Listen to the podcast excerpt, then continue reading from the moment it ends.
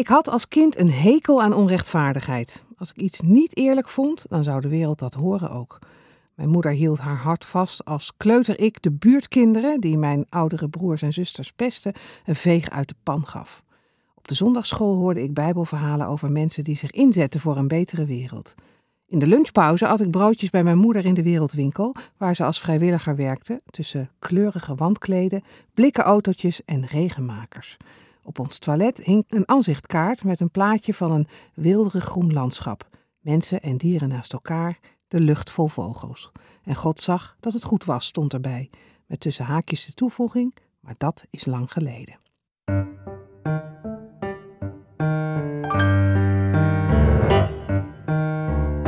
De Theologie-podcast gaat over wat vandaag speelt in kerk en theologie. En de Theologie-podcast wil delen, inspireren en verdiepen. Roosmarijn van het Einde is theoloog en criminoloog en werkt als geestelijk verzorger bij het Leger des Heils. Ze is als scheppingsactivist actief voor Extinction Rebellion en Christian Climate Action. En in deze aflevering zoeken we, Mark de Jager en ik, naar antwoorden op de vraag hoe een theoloog terechtkomt tussen rebellen en activisten. En ook wat een theoloog daar te zoeken heeft. Goedemorgen. Goedemorgen. Goeiedag, Rosemarijn. Waar was jij op zaterdag 28 januari? Uh, geen commentaar, dan geleerd te zeggen. Oh ja. ja, maar je bent hier niet bij de politie. Nee, dat is waar. En ik ben altijd juist heel open over de acties die ik doe. Uh, nee, ik was op de A12 en uh, ja, we zijn daar opgereden en hebben daar wel 20 minuten gebruik mogen maken van ons recht op demonstratie. En daarna werden we verwijderd. Ja, en waar kwam je toen terecht? In de politiecel. Oh, en hoe lang zat je daar? Mm, ja, een paar uur. Ik heb, ik, nou, we kunnen het misschien tellen aan de hoeveelheid tijdschriften die ik heb gelezen. Twee Margriets, een Libelle en een Donald Duck. En... Dat is wat er ligt. Ja. okay. Nou, en heel veel boeken met bekeringsverhalen. En dat zijn al vijf verschillende. Voor elke godsdienst één? Nee, nee, nee. Allemaal, allemaal christelijk. En allemaal, ik was echt de allerergste crimineel ooit. En nu ben ik de allervroomste christen ooit. Je, je kunt kiezen uit vijf smaakjes en ik vind ze allemaal vreselijk. Die heb je allemaal gelezen, tijd heb je gelezen. Dan word je weer vrijgelaten. Ja. En dan komt er dan nog een vervolg? Krijg je dan nog een, een, uh, komt er nog een rechtszaak of iets? Of is dat het dan meer? Nou, ik ben nu 19 keer gearresteerd. Daarvan heb ik vier keer een boete ontvangen. Ik heb telkens bezwaar aangemaakt, gezegd: dit valt onder mijn demonstratierecht. Niks meer gehoord. En één keer ben ik voor de rechter gedaagd. En daar had ik gisteren het hoger beroep van. Ja. En over twee weken uitspraak. Maar ik verwacht of vrijspraak of schuldig zonder straf. Ja, jongen.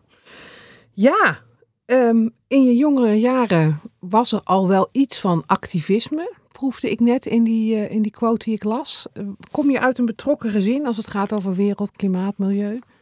Niet per se over klimaat, maar wel over milieu inderdaad. Dat onderscheid wordt al vaak gemaakt. Maar als gewoon over zuinig omgaan met energie. En uh, ja, ook wel een betrokkenheid op, op mensen die het zwaarder hebben dan jij. En zeker de Wereldwinkel is ook wel een plek waar de, die boodschap wordt uitgedragen. Ja. Maar het is niet iets waar we het heel tijd over hadden of zo. Maar gewoon iets wat... Wat wel aanwezig was. Ja. En jij had blijkbaar dus ook wel een gevoel voor rechtvaardigheid. Want als, als jouw zus of broers werden gepest, dan trad jij op. Blijkbaar, ja. ja. Dat, die verhalen hoor ik. maar ik, ik denk dat ik ook wel wist dat ik ermee weg zou komen. Want als je gewoon klein en schattig bent, dan kun je een heleboel zeggen. En dat was je? Ja, dat denk ik. ja.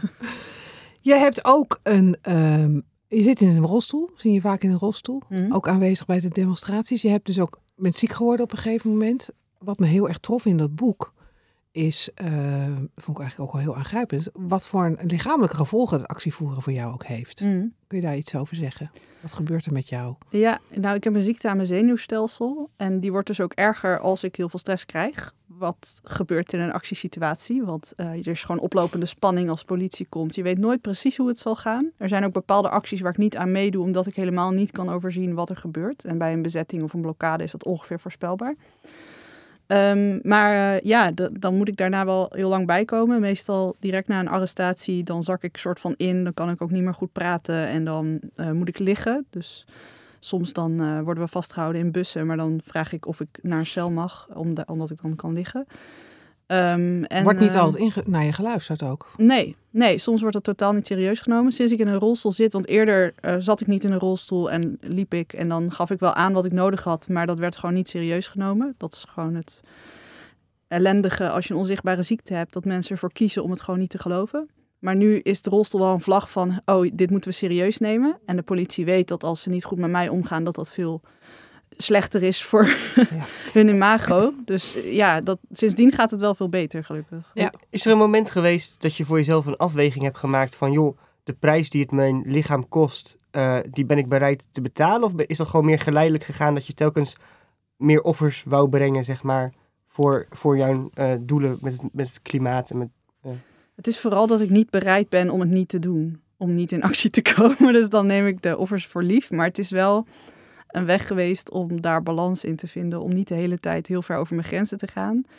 Uh, zeker, ik moet ook gewoon op mijn werk kunnen verschijnen. Dus dan moet ik ook enigszins oké zijn. Ik mag wel een beetje moe zijn, maar ik moet wel kunnen luisteren natuurlijk.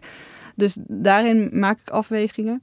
En er zijn ook wel bepaalde acties die ik dus niet doe. Bijvoorbeeld, ik ben niet naar Luteraat gegaan, eh, waar ik heel graag bij had willen Dat was zijn. tegen de bruinkool. eh, Ja, omdat ja, daar wist ik niet wat. En ook het landschap is met rolstoel niet heel erg toegankelijk. Ehm, of bijvoorbeeld, we gingen een keer een spandoek in de Tweede Kamer omhoog houden. Waar ik eigenlijk, eh, wat ik ingewikkelde actie vond, maar wel nodig. Een spandoek van een roze olifant met klimaatcrisis erop. En daarvan wist ik, ik kan niet van tevoren de politie inlichten dat ik niet kan stilstaan. Dus eh, ja, dan heb ik die moeten laten gaan en Ja. vanuit huis mee zitten kijken. Zo maak je die overweging. We gaan zo verder praten hoor. Ook over wat je motiveert, hoe je theologisch onderbouwt wat je doet. Maar ook nog even over de rest, want je had het over je werk. Jij werkt als geestelijk verzorger in een gevangenis en ook werk je bij het Leger des Heils. En eh, want en daar gaat het in je boek ook over. Eh, kan ik mijn werk blijven doen? Vinden mijn leidinggevenden dit oké? Ja. Eh, is dat zo nog tot, tot steeds? Bij Leger des Heils is het nu goed geregeld. Ik had aan het begin heel veel gedoe met eh, mijn eh, contract. En daar heb ik echt voor moeten vechten. Het is later ingegaan omdat ik niet akkoord ging met wat er stond. Omdat het eigenlijk betekende dat zij op elk moment konden beslissen dat ik geen, eh, niet meer mocht actie voeren. Ja, wat al niet in overeenstemming is met de grondrecht op demonstratie.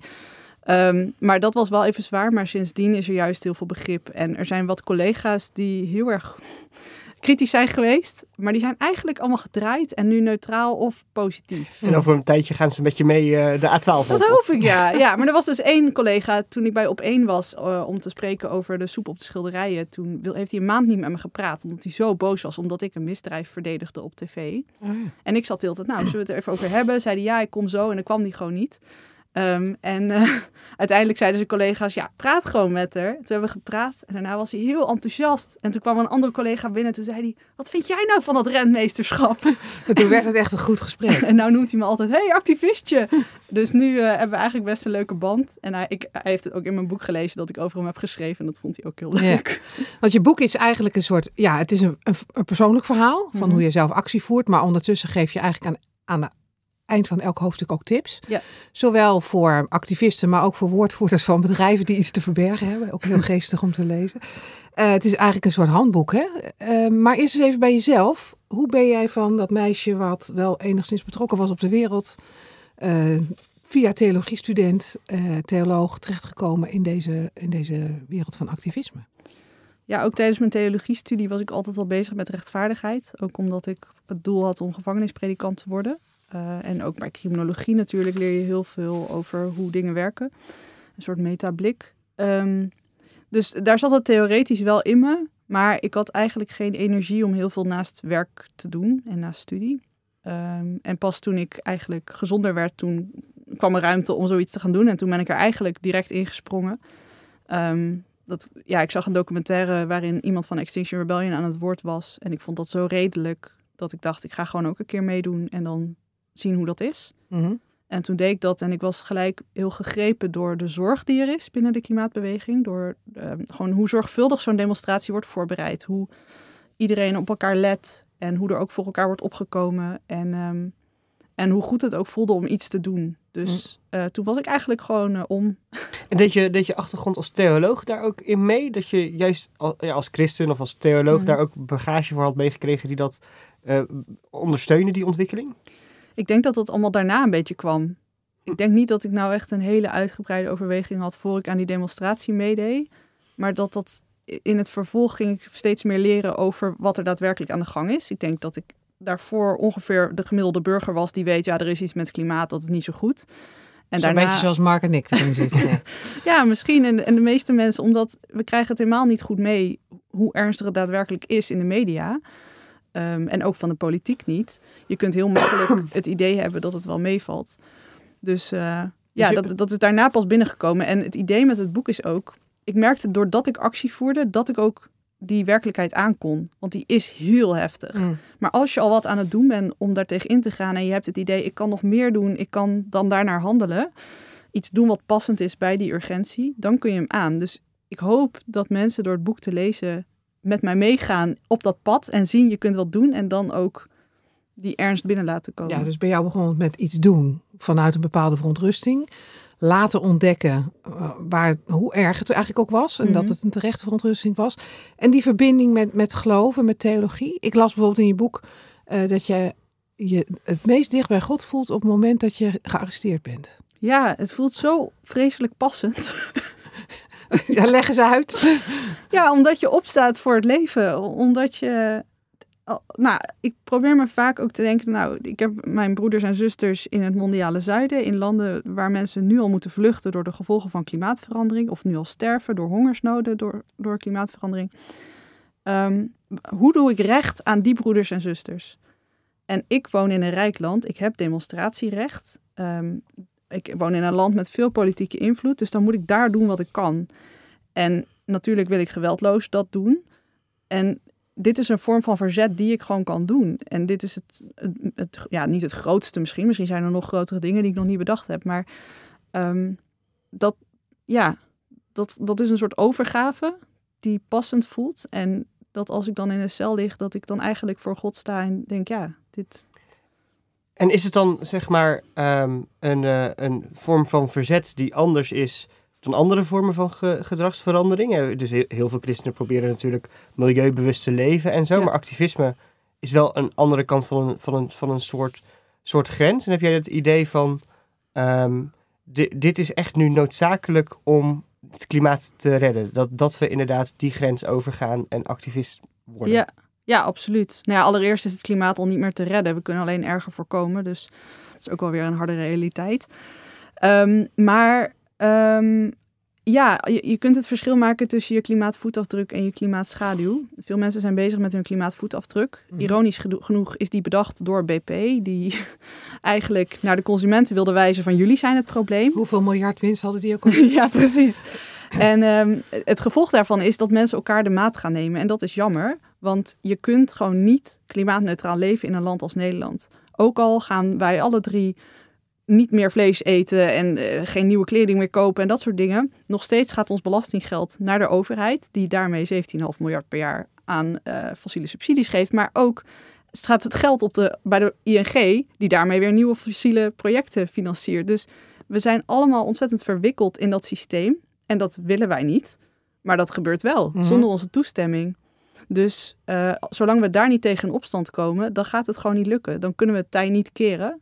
En daarbij is ook je individuele voetafdruk kleiner maken. Je moet tegen de stroom in. Het wordt eigenlijk ontmoedigd. Dus bijvoorbeeld eh koemelk wordt kunstmatig goedkoper gehouden dan sojamelk. Dus dat soort systemen zijn heel onhandig en staan eigenlijk verduurzaming in de weg. Dus je En, kunt... en de enige manier om die systemen te doorbreken is dus activisme. Ehm, nou ja, helaas.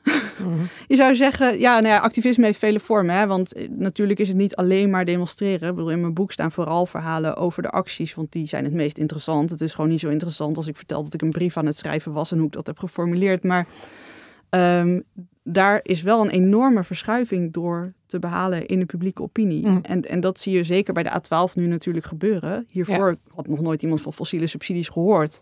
En nu wordt dat debat gevoerd en ineens verschijnen er inhoudelijke artikelen in de media. Nou, dat hadden die journalisten al lang kunnen doen, maar dat gebeurt blijkbaar niet zonder die actie. Even terug naar die theologische onderbouwing. Want jij zei, ik voel me dan in zo'n cel verbonden met mijn broers en zusters die het slechter hebben dan ik. Dat Mhm. eigenlijk zou je kunnen zeggen, nou ja, dat heeft misschien met het gebod van de naaste liefde te maken. Mhm. Wat voor andere theologische gedachten heb je bij je inzetten voor de schepping, Ja. voor de aarde? Nou, het heeft ook met het eerste gebod te maken, God liefhebben boven alles. Wij geloven dat God de schepper is van deze prachtige aarde. Die wordt zo verwoest door fossiele bedrijven en overheden die daar niet naar handelen. Ehm, als wij daar naar gaan toekijken, dan zie, kan ik dat niet rijmen met God liefhebben boven alles. Volgens mij betekent dat dat je daar dan tegen ingaat.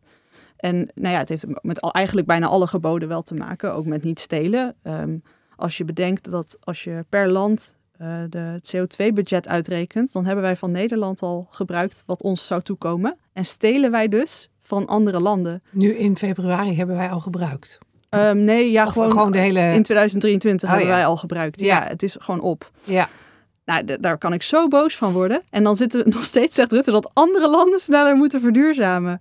Ja, het, Dus je eh, zegt eigenlijk, als je alle geboden na, langs gaat, dan kom je bijna bij elk gebod wel op een, eh, dat we daar tegen ingaan door om te gaan met de aarde zoals we dat doen. ja, Ja. tuurlijk. En om even, even een beetje het op scherp te stellen. En dan eh, het gebod om de overheid te gehoorzamen. Romeinen 13. Oh ja, die Ja. hadden we ook nog, ja. Ja, grappig. Ik vind het altijd interessant als mensen dat super letterlijk opvatten. Want het is geschreven door Paulus, die zelf best wel een paar keer is opgepakt. Omdat, hij, omdat de overheid niet echt vond dat hij gehoorzaamde. Dus zo, zo scherp kan je dat al niet stellen. En daarbij, ehm, sowieso kan je stellen dat burgerlijke ongehoorzaamheid een ultieme vorm van gehoorzaamheid is. Omdat je je eigen land houdt aan waar het voor zou moeten staan. En daarbij vind ik wel dat er onderscheid gemaakt moet worden tussen de wetten van een land en nou ja, de godswet. Mhm. Ehm, niemand zal zeggen dat eh, het overtreden van bepaalde geboden in Saoedi-Arabië echt niet mag. Ehm, daar zit een wereld van verschil natuurlijk. En de Bijbel staat vol met allemaal mensen die de wet overtreden. Mozes was er niet geweest als er niet twee dappere vroedvrouwen waren geweest die de orders van de farao in de wind hadden geslagen. Dus ja, eh, tuurlijk moet je je tot zo'n tekst verhouden, maar je kunt nooit zeggen dat is het. Nee, nee, precies. Nou, laten we het eens hebben over hoe er eh, over het algemeen in de kerk, nou ja, voor zover je dat kan zeggen, wordt ge- aangekeken tegen activisme, tegen veranderingen in het klimaat.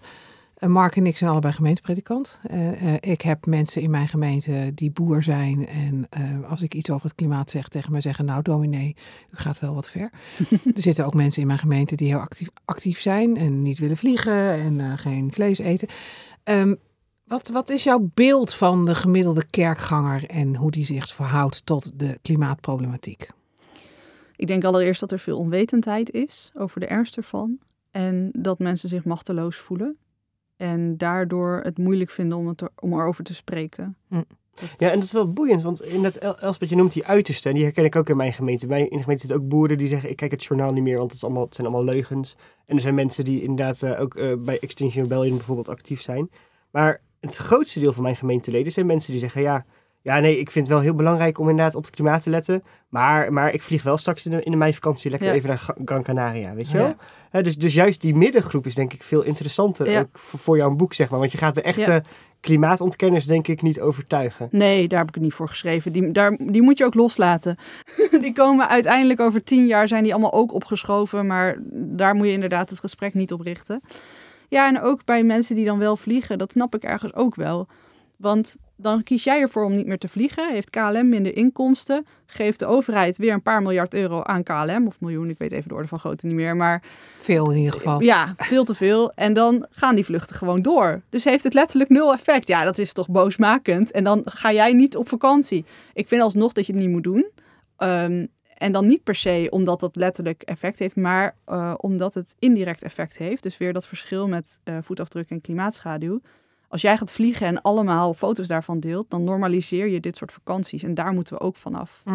Maar wat zeg jij tegen die, zeg maar die, die, die de gemiddelde groep, hè? Ja. die waarschijnlijk het meest in de kerk aan zult treffen. En die jouw boek lezen en die jou zien en denken, ja, leuk meisje. Eh, een beetje denigrerend misschien. Mooi dat ze zich zo inzet, maar dat is nou echt, gaat mij echt veel te ver. Ja. Wat dan? Maar die voelen Ja. wel misschien de verontrusting en denken, ja, er is inderdaad wel wat aan de hand. Maar ja, Ja. wat, wat, wat, wat? Ja, ik vind dat soort gesprekken heel leuk om te voeren. Omdat je dan dus merkt dat ze inderdaad zelf ook die angst hebben, maar zich machteloos voelen. En dan willen ze er eigenlijk niet aan dat het misschien wel heel erg is. Want als je zegt, dit gaat te ver, ja, maar heb je ook gekeken naar wat er aan de hand is? Dus je kunt niet eh, de acties die ik doe volledig buiten context beoordelen. Tuurlijk is het raar om een snelweg te blokkeren en niet oké, dat vind ik ook. Hm. Maar ja, er zijn situaties waarin je niet anders kan. Dus Dat laten we onderzoeken is. of dat nodig is. En dus vooral om, om te onderzoeken met die mensen van waar zit het dan? En het dus te hebben over klimaatrechtvaardigheid. Om daarin eh, verder te kijken van ja, dit, dit heeft betrekking op alle thema's. En eh, ik denk ook in gemeentes dat het thema klimaatrechtvaardigheid veel eh, handiger is dan duurzaamheid. Omdat duurzaamheid heeft gewoon een soort imago van geitenwolle sokken. En alsof dat een doel in zichzelf is. Terwijl als je het hebt over klimaatrechtvaardigheid en zegt ons gedrag heeft gevolgen voor.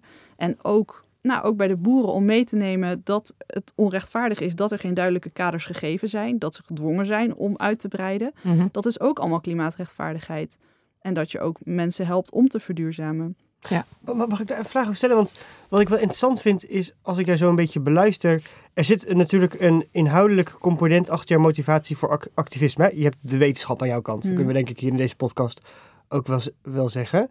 Maar zeg maar, moreel-ethisch gezien, ehm, als ik boeren in mijn gemeente spreek, er zitten ook boeren tussen die de vlag op de kop hangen of zelfs Mhm. af en toe een snelweg blokkeren of zo. Die zullen denk ik eh, grotendeels eh, soortgelijke argumenten gebruiken. Het gaat Mhm. over rechtvaardigheid. Ik kan geen, geen kant meer op. Op Ja. deze manier wordt er naar ons geluisterd. Inderdaad, opeens schrijven de Mhm. kranten over. Ja. Zeg maar, zit, zit daar voor jou een, ook een verschil tussen? Een moreel verschil? Ja. ja, dat vind ik wel, omdat het dus dat verschil is met die wetenschap. Ik bedoel, de wetenschap over de stikstof is ook duidelijk. En de boeren hebben gelijk dat zij in zekere zin benadeeld zijn. Ook al hadden ze ook al langer kunnen weten dat dit niet houdbaar was. Maar daar kun je best kritisch op zijn. Maar ik vind zelf een snelweg blokkeren voor je privébelang, terwijl je uit, vanuit de wetenschap weet dat het gewoon noodzakelijk is dat we beleid voeren. Dat vind ik wel problematisch. Ik vind dat burgerlijke ongehoorzaamheid moet altijd in het algemene belang zijn. En nou zeggen boeren natuurlijk wel, ja, wij Mhm. geven eten voor iedereen. Ja, dat zie ik langs de snelweg staan. Ja, maar goed, dat is feitelijk natuurlijk, werkt dat niet zo. Dat er Zonder in boeren Nederland... geen eten. Dat Ja. slogans, ja. Ja, maar ik vind daar de wetenschap wel relevant. Ja. Maar het activisme is dus gerechtvaardigd. Alleen de grond van het activisme klopt niet. En daarom, zeg maar, is jouw activisme... Nee, alle activisme is goed. Maar als burgerlijke ongehoorzaamheid vind ik nog wel weer wat anders. Dus als jij een, snelweg gaat blokkeren... Ik vind allereerst dat je dat veilig moet doen. Dus dat er geen vuur moet, geen asbest op de snelweg. Ja, dat gaat gewoon te ver. Dat vind ik ook te ver gaan als wij dat zouden doen. Mm. En wij zijn er heel strikt in dat we dat soort dingen niet doen.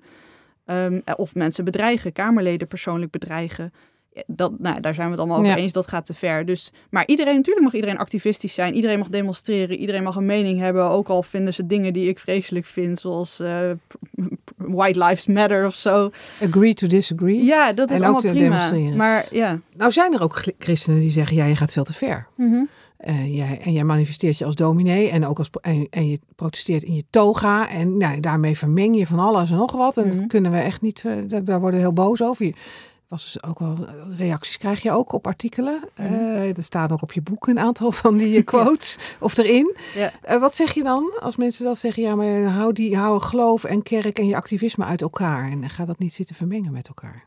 ja, ik snap niet waarom je geloof en maatschappij, samenleving uit elkaar zou houden. Ooit, soms dan denken mensen dat de scheiding van kerk en staat betekent dat eh, de kerk niks over de staat mag zeggen. Maar die scheiding is er ooit gekomen zodat de staat niet ging opleggen wat de kerk ging preken. Nee. Ehm, dus je zou juist als kerk kritisch moeten zijn op de staat. En is dat dan ook de reden dat je een toga draagt tijdens een demonstratie? Ik heb dat één keer gedaan. Dat was omdat ik. Zijn we eh, nooit vergeten, Rosa ja, precies. nou ja, de en rest ik van je sta- leven... ja. ik sta daarachter, maar ik, ik heb, ik, meestal vind ik het niet zo relevant, omdat ik niet gemeentepredikant ben. eh, ga ik meestal niet in toga naar een demonstratie. Dit keer gingen we naar het pensioenfonds, waarvan ik toen dacht dat ik daarbij zat als invaller in gevangenissen. Eh, en we zouden die dag in werkkleding gaan, allemaal. Dus ik dacht, nou, dat Ja. is logisch om dan te laten zien, van dit is mijn werkkleding. Interessant is ook wel dat ik denk dat het gewoon echt een rol heeft gespeeld in het fossiel vrijmaken van dat pensioenfonds. Want dat is wel gelukt. Ja, Ja, en, en ik heb ook gehoord van Harmen van Wijnen in een podcast dat hij zei dat er thuis. voorzitter van ABP. Die zelf Ja. ook theologisch. ja, Ja, en die- gemeentepredikant is geweest. ja, ja. dat er thuis appjes werden rondgestuurd eh, die keer. En dat, dat heeft meegeholpen. Dus ik denk, nou, het zou best kunnen dat hierdoor reuring ontstond. Ehm, ja, nee, dus mensen kunnen dat te ver vinden gaan. Ja. Maar, maar ik vind het eigenlijk heel raar als je als kerk stil blijft. Als je vanuit je ambt stil blijft hierover. Eh dat kun je hetzelfde... Kijk, op het moment dat dit soort dingen gebeuren, dan is het heel raar. Maar als we over 50 jaar terugkijken, zullen we er anders naar kijken. Mm. Zoals, nou ja, het is een beetje een heftig voorbeeld misschien, maar als je kijkt in de Tweede Wereldoorlog, dan is het achteraf ook vreemd als kerken niet meer bezig waren met het verzet of zo. En waar dat in Duitsland wel gebeurde, vinden we dat heel passend. Ja. Altijd een gevaarlijke vergelijking. Hè? Goed, je maakt hem bewust volgens mij. Ehm, toch zullen er ook christenen zijn die zeggen: ja, eh, je, je spant je geloof voor het karretje van het activisme. En eh, dat gaat ons veel te ver. En wij willen niet. eh, mensen verwijzen dan vaak ook terug naar de discussie die destijds was over de kernwapens. En wat voor polarisatie dat in de gemeentes heeft gegeven. Ehm, daar word je dan ook van beschuldigd, hè? van dat je dat aanwakkert. Ja, klopt. Nou zie je er niet uit dat, je het, dat het je heel erg raakt, maar, Oh, het raakt me wel. maar het Ik- gebeurt wel. Ik neem het ook serieus. Ik denk alleen dat polarisatie niet altijd iets slechts is. Want soms is polarisatie noodzakelijk. Als je kijkt naar de discussie rondom Zwarte Piet, dat is zeker polariserend geweest. Maar het is nodig dat er iets gebeurt waardoor mensen opnieuw moeten nadenken over het standpunt dat ze innemen. En dat, dat proces is helemaal niet leuk. Ik, weet, ik heb ook nog eerst gedacht, nou, dat is toch gewoon vanwege het roet van de schoorsteen. Maar door die acties, dan moet je daar wel bij stilstaan. Dat is rottig, dat is stom. Maar mensen worden geschaad door nou ja, het gedrag dat mensen hebben of, of wat je als maatschappij hebt. Ehm, dus polariserend is in zichzelf helemaal niet slecht. Jezus was ook polariserend. Zou je het in die zin ook profetisch noemen? Ja, ja dat, nou, anderen noemen dat zo. Ik vind het altijd een beetje gek om dat over jezelf te zeggen, maar het is wel eh, een geluid wat ik probeer uit te dragen. Ja, om te zeggen waar het op staat. Ook als mensen geen zin hebben om het te horen. Ik heb ook geen zin om het te horen. Mm. Ik heb ook geen zin om het te zeggen. Maar ja, Voel je je verwant ook met bepaalde profeten uit het Oude Testament? Ehm, nou, vooral, ik denk eigenlijk vooral met Jezus in, in gewoon. Ook een profeet en een Messias. Ja, en ik vind het fijn bij Jezus dat er al ook die verbinding blijft. Ehm, zeker met, met zondaars. eh, dat er wel maaltijd gegeten wordt. Maar dat dat niet betekent dat hij zegt: ah, het is allemaal niet erg wat je doet, ga lekker door met zondigen. Dus tegelijk die omarming en dat eerlijk spreken over eh, wat iemand doet, of dat niet uit de weg gaat, dat vind ik heel belangrijk. Mm. En dat probeer ik zelf ook altijd bij elkaar te houden. Dus omarming, maar hoe moet ik me dat voorstellen? Omarming van een pensioenfonds? Of, eh, hoe ziet dat er dan Nou, uit bij jou? Nou, bijvoorbeeld door dat tweetje aan, de, aan Harmen van Wijnen van... hé, hey, ik snap gewoon niet hoe jij dit beleid... Hoe zie je dit? En dat gewoon ook een eerlijke vraag laten dat je zijn. echt ook probeert een dialoog met hem eh, te voeren Ja. dan. Ja. Ja, en ik ga eigenlijk, ben vaak in gesprek geweest, ook met mijn PFZW, het pensioenfonds waar we later kwamen. Ook met Kamerleden ga ik in gesprek. En dan ben ik hard op de inhoud en zacht op de relatie. Wat hoop je? Hè, voor, dit is natuurlijk leuk als mensen dit boek lezen en dan leg je het weer terug op de stapel. Eh, maar ik neem aan dat jij hoopt dat er wat meer dan dat gebeurt. Wat, Ja. wat, wat, wat, zou, wat zou je willen bereiken? Vooral dat mensen het idee hebben dat ze iets kunnen gaan doen. En dan hoeven ze echt niet mede A12 op. Hoewel, van harte welkom op 11 maart. Maar ehm, nee, dat kan echt allerlei vormen aannemen. Gewoon al een mail sturen aan je politieke partij. Van doe meer. Stop fossiele subsidies, dat soort dingen. Stop met eh, nieuwe subsidies voor KLM. Ehm, dat is ook heel zinvol. Mm. En ga het gesprek erover aan. Ik heb het boek bedoeld als gespreksstarter. Ja. Ehm, En je schrijft ook over dat je droomt over een strijdbare kerk. Ja, nou en dat hoor ik ook wel van sommige mensen die het lezen, dat er echt iets aangaat van, oh ja, maar we kunnen hier ook iets in handelen, we kunnen een positie innemen en nou ja, dat, dat er een soort proces komt.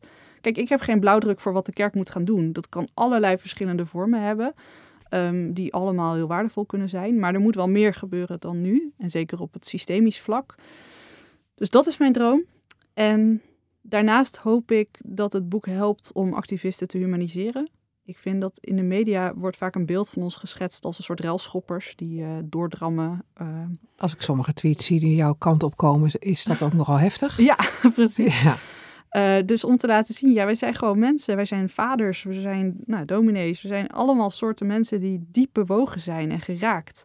En dat zie je vaak helemaal niet terug. Terwijl nou, iedereen die ik ken uit de klimaatbeweging is zo eh, volop betrokken bij wat ze doen. En voluit overtuigd dat, dat dit nodig is. En heeft die innerlijke strijd, die ik ook wel heb geprobeerd te schrijven. Van ja, ik ga hem wegblokkeren. Ik ga mensen echt hinderen. Dat is echt vervelend. En dat wil ik ook vasthouden en daar recht aan doen. Mhm. Maar het moet wel gebeuren.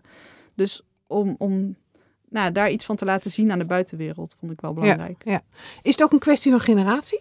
Dat eh, de jongere generatie zich meer bewust is van de urgentie dan de kerk die toch vaak bevolkt wordt door de wat oudere generatie? Nou, in de klimaatbeweging zitten dus echt veel 50-plussers. Oké. En ook echt in de kern. Ja. Eh, veel mensen die bijvoorbeeld zeggen, ik, ja, toen de, de Club van Rome kwam met hun, eh, eh, ja, wat was nou een boek? Ik heb het zelf nooit gelezen. manifest of eh, ja, precies. Eh, toen was ik al heel gealarmeerd. Dus die ook een soort schuldgevoel ervaren van ik had veel eerder wat moeten doen. En Had 40 jaar geleden al wat kunnen gaan doen. ja, ja. ja. en die zitten nu fanatiek eh, de hele tijd opgepakt te worden. Oké. En het ja. pessimisme over de toekomst is denk ik onder jongeren wel groter. Als ik kijk bij mij, in- bij mij in de kerk. Hè, dus, eh, je- eh, ze- er zijn jongeren die inderdaad zich echt diep zorgen maken over Ja. de toekomst van het klimaat. Maar aan de andere kant ook bijvoorbeeld boeren, boerenkinderen die zich ook op een andere manier heel zorgen maken over de toekomst. Dus een pessimistisch toekomstvisie, die dus nu ook wetenschappelijk onderbouwd wordt door de klimaatrapporten, Ja. die is onder jongeren misschien wel breder dan onder oudere generaties. Ja. Dus, Ja. eh, Ja. Ja. en daarin zou het voor de kerk zo mooi zijn als er meer uitgesproken werd, als dat gesprek gefaciliteerd wordt. Juist ook om voor jongeren een perspectief te schetsen van wat kunnen wij dan doen. Want dat mist ook een toekomstvisie van hoe, hoe dan wel. Hoe ziet een duurzame wereld eruit? En dat die eigenlijk heel prettig is. Dat je daarin gewoon kan ademen zonder astma te krijgen. Dat je niet in Rotterdam verplicht elf sigaretten per dag rookt. Dat soort dingen ehm, die missen vaak in het debat. En ook, nou ja, wij hebben natuurlijk een visie op het koninkrijk en wat er werkelijk toe doet. Nou, dat ja, houdt direct verband met al deze En discussies. dan heb je het niet over het Koninkrijk der Nederlanden, Nee. maar over het Koninkrijk van God. Ja. Wat is de volgende actie? Je hint alweer op de A12, die is populair. Ja, Dan ga in maart weer. En, Ja. en verder? Of kan je dat Ehm, niet vertellen? Omdat... nee, waarschijnlijk kan ik dat niet vertellen. Nee. Ehm, ja, we hebben wel. eh, volgende week is mijn boekpresentatie. Ik weet niet wanneer dit uitkomt, maar eh, we gaan daarna een workshop doen, eh, actie voeren in de praktijk. Hm. Ja, dat, misschien wordt dat wel praktisch. Kan. Ja. Iets voor jou, Mark?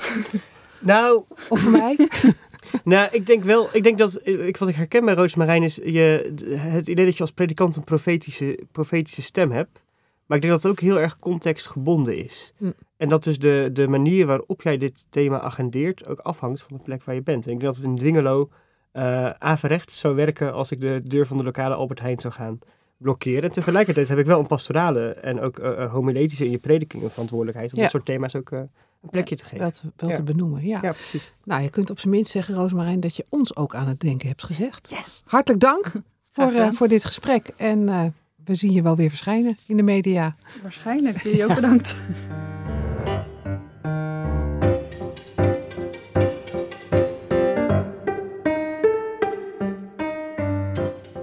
tafel Arjan Berendsen van Theologie.nl, Kokboekencentrum. Met de laatste nieuws uit eh, ja, de uitgeverswereld. Wat heb je meegenomen voor ons? Ik blijf vandaag maar eens weer dicht eh, bij huis, eh, Elspeth en Mark. Ehm, ik heb twee kleine nieuwtjes. Ehm, laat ik beginnen bij degene die dichtst bij huis eh, is. En dat gaat eigenlijk over jullie. Oh, Kijk. We hebben groot nieuws. Ehm, eh, Mark, dat gaat over jou.